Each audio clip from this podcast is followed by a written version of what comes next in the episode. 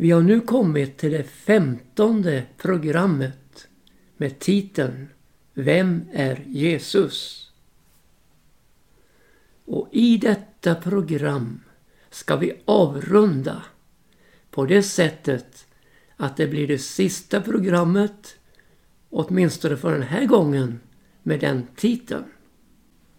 Och naturligtvis kommer vi tala om Jesus. Han blir centralpersonen i varje program. Men eh, titeln blir annorlunda i rubrikserien. För mig personligen så har det varit en stor glädje att få ta fram vad evangelierna säger om Jesus. Det har liksom varit det centrala i dessa budskap.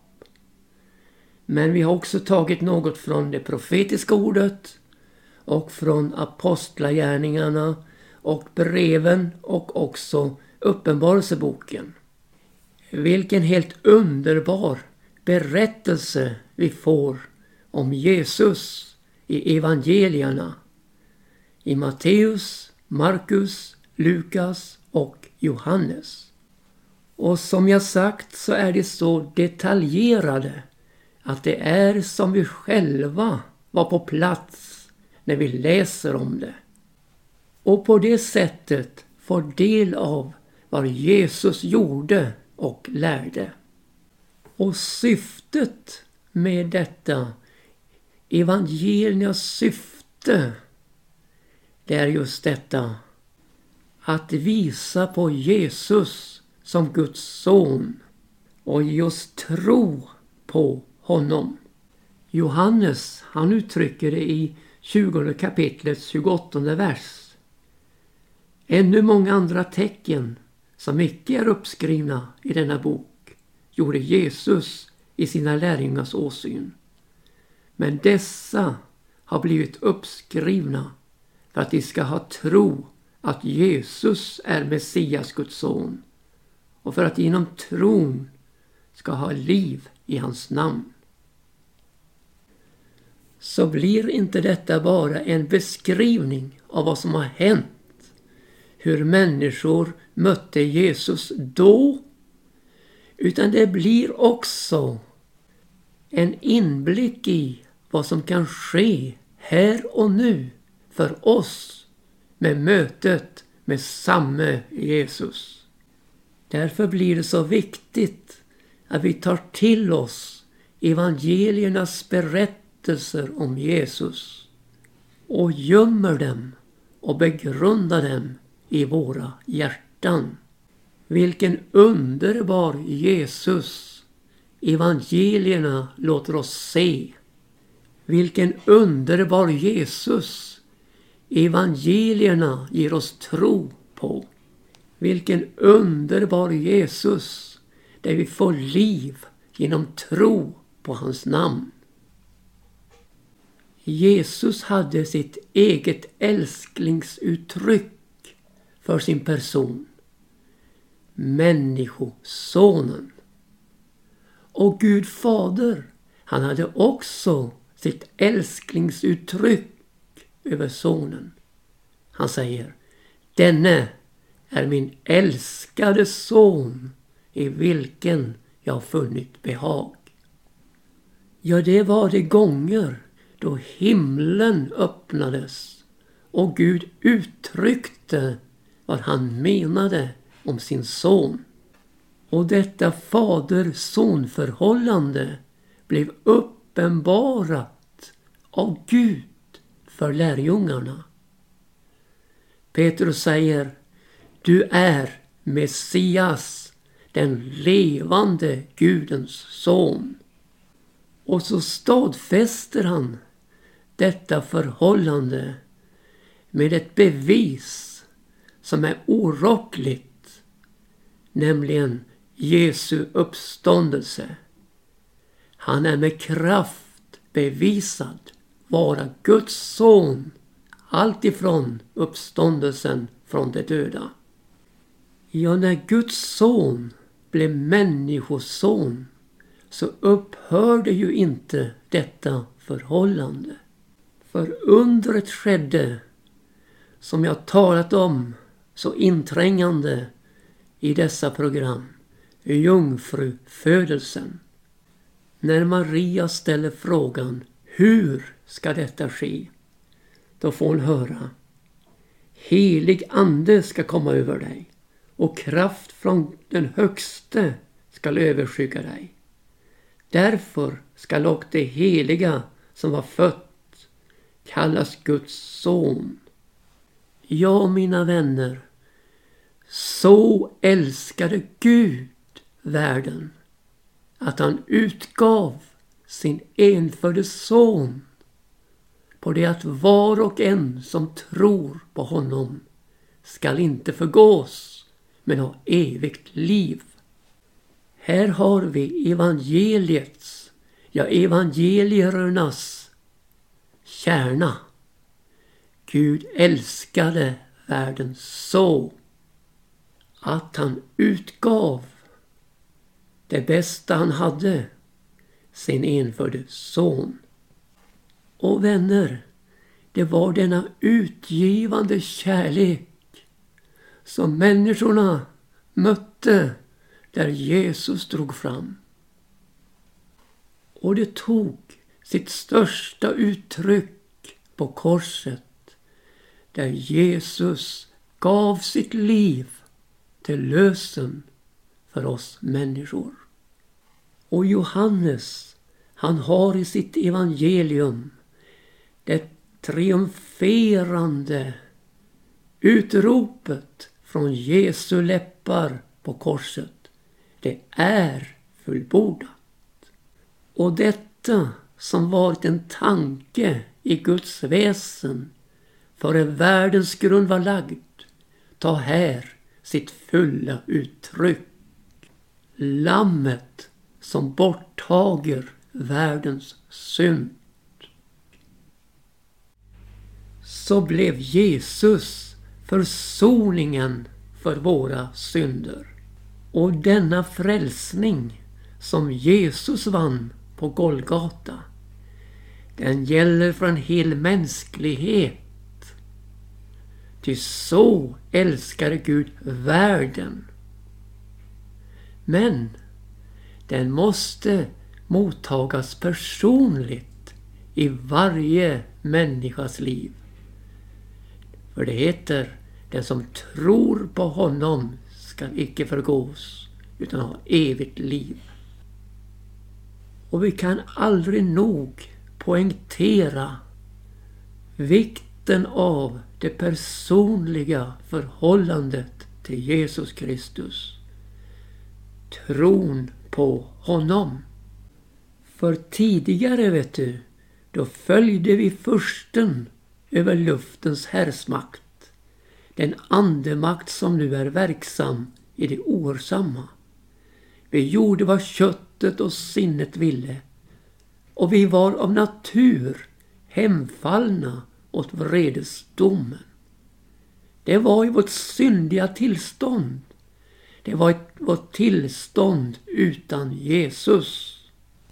När Paulus ger inblick i evangeliets kärnområde så säger han i första Korinthierbrevets femtonde kapitel. Mina bröder, jag vill påminna er om det evangelium som jag förkunnar för er, som ni väl tog emot och som ni ännu står kvar i. Genom vilken i och bliven frälsta. Jag vill påminna er om hur jag förkunnade för er, så fram till eljest hållen fast därvid, om nu icke så är att i förgäves har kommit till tro. Och så tar han oss med i huvudfåran, ja i huvudstycket, in i det viktigaste i vårt trosliv. Han säger, jag meddelar eder ju som ett huvudstycke vad jag själv har undfått. Att Kristus dog för våra synder enligt skrifterna. Och att han blev begraven och han har uppstått på tredje dagen enligt skrifterna. Och så säger han, det är på det sättet vi predikar. Och det är på det sättet ni har kommit till tro. Hur viktigt är det inte med en skriftenlig frälsning? Guds frälsning i Jesus Kristus. Och här behövs inga utsvävningar. Inga andliga resor, vare sig upp eller ner. För det heter i Romarbrevets tionde kapitel. Du behöver inte fråga i ditt hjärta. Vem vill fara upp till himmelen? Nämligen för att hämta Kristus ned. Eller vem vill fara ned till avgrunden? Nämligen för att hämta Kristus upp ifrån de döda. Men vad säger den? Jo, den talar om en underbar närhet. Och den närheten är Jesu närhet som vi finner i bibelordet, i skriften. Tänk dig in i att det ordet som var i begynnelsen, det ordet som var hos Gud, ja det ordet som var Gud, det ordet genom vilket allt har blivit till som är till. Och utan det har intet blivit till som är till. Det ordet tog sin boning ibland oss och vi såg hans härlighet. Ja, vi såg liksom en enfödd sons härlighet från sin fader, full av nåd och sanning. Det är om Jesus jag talar. Det är hans närhet vi möter i ordet som är oss nära. För det heter vidare helt underbart. Ordet är dig nära. Ordet om tron, det som vi predikar.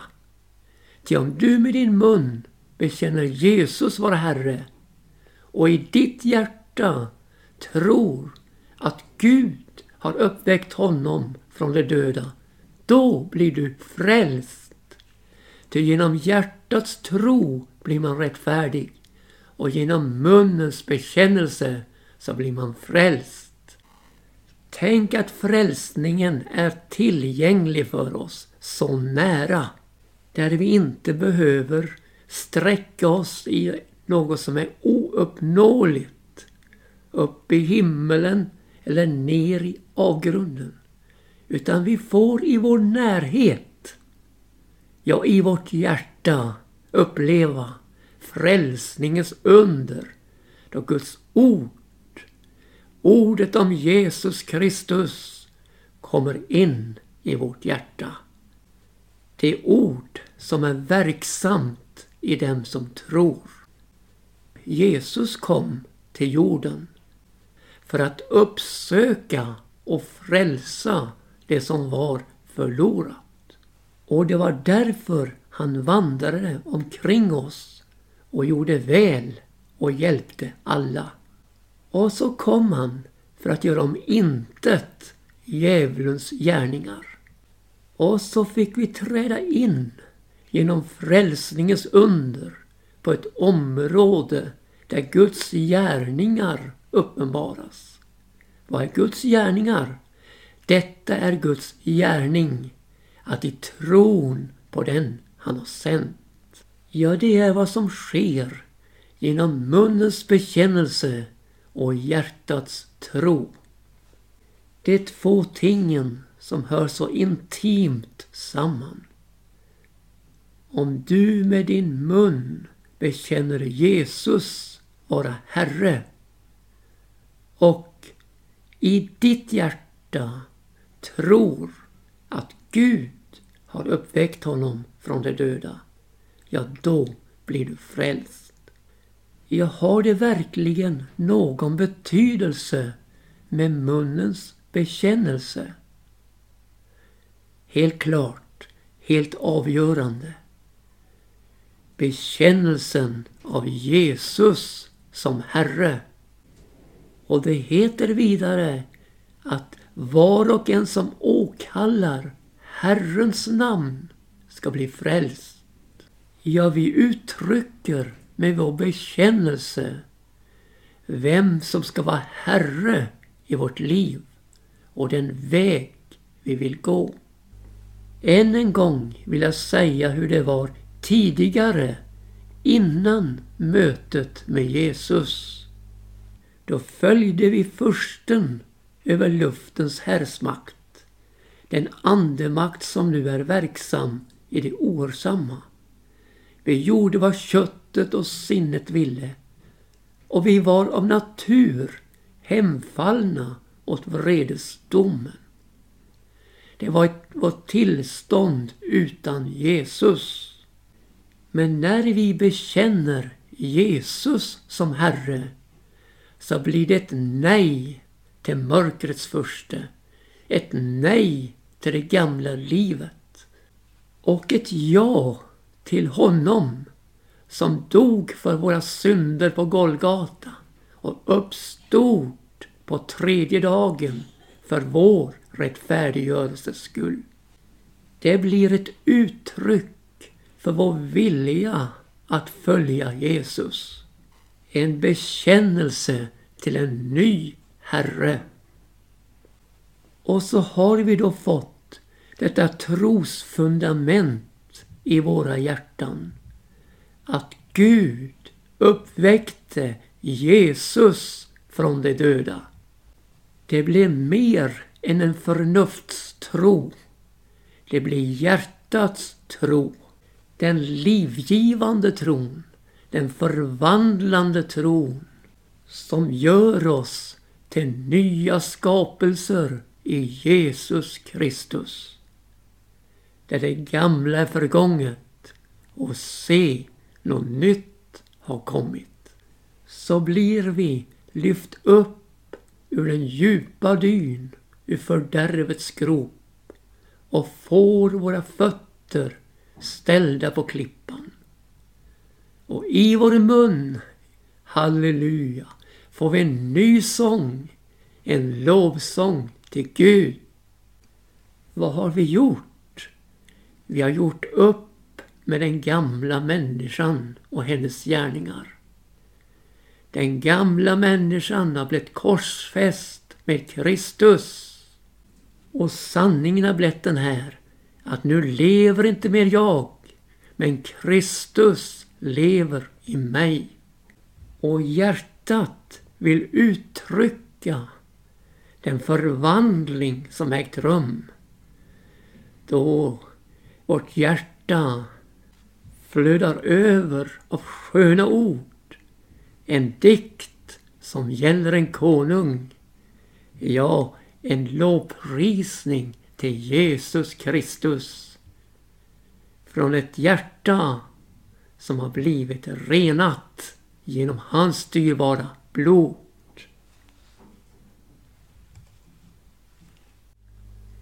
Vår tro får inte bara bli ett förhållande till lärosatser.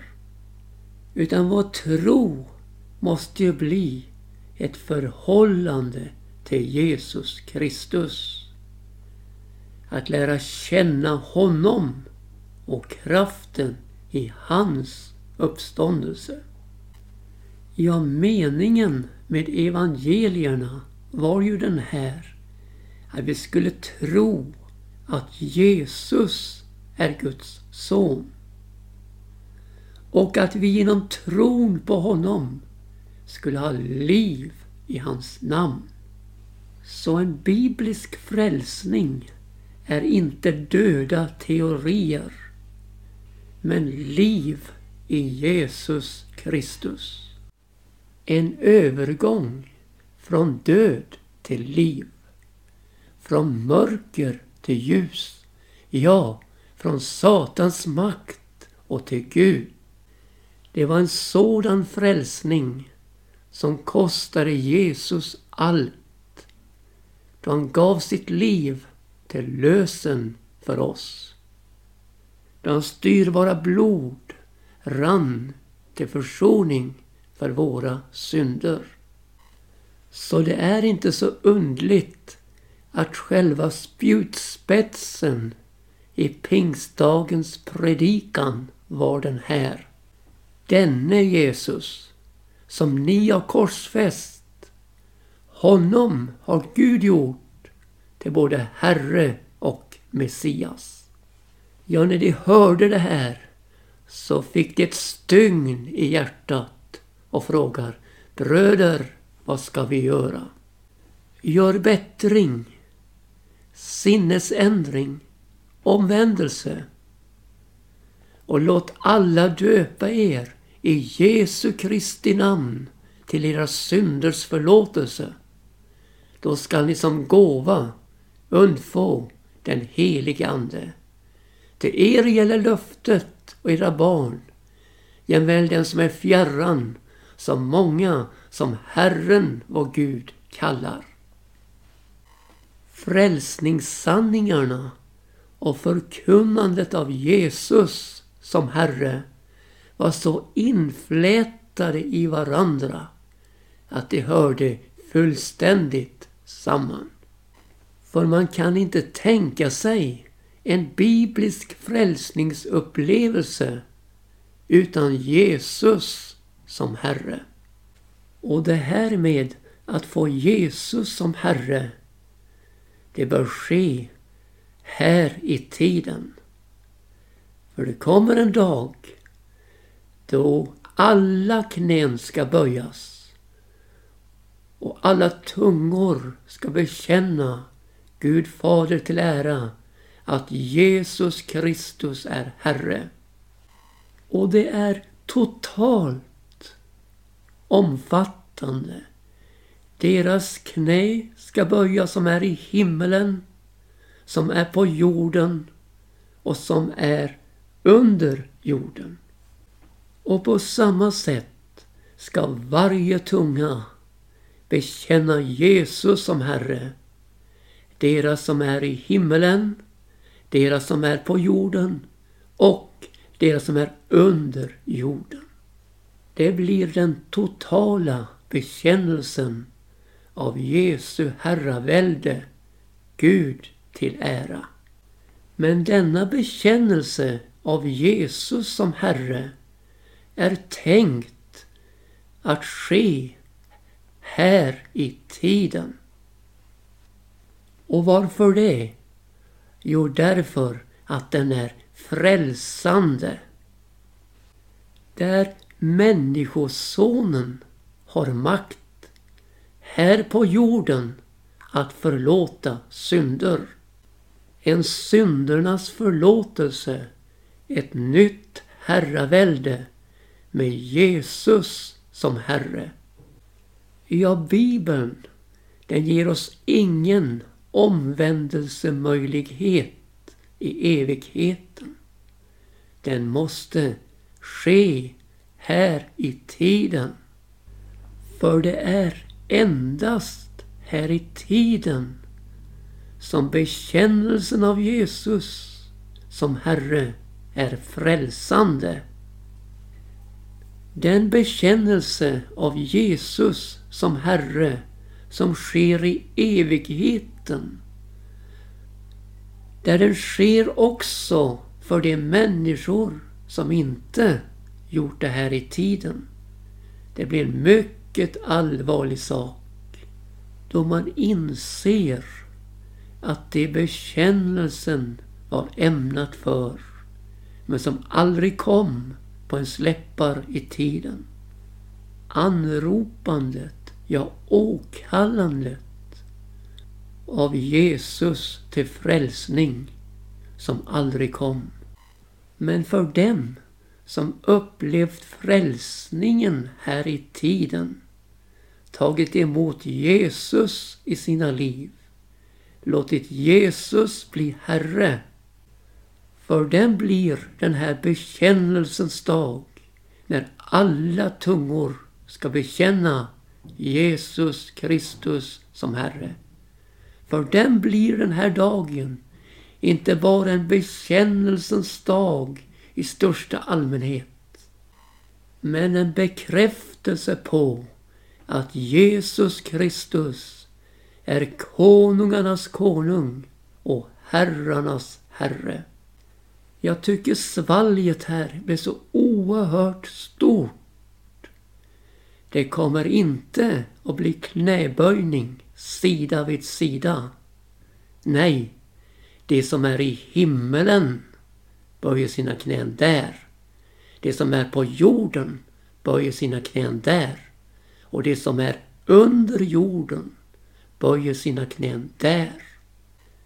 Därför min vän, se till att ditt knäböjande i evighetens värld blir i himmelen inför Guds tron, inför Jesus Kristus, där ditt bekännande på dina läppar blir Jesus Kristus är Herre. Med en glädje och med en fröjd som är outsäglig här i tiden men som kommer att uppenbaras där. Han är Herre, Jesus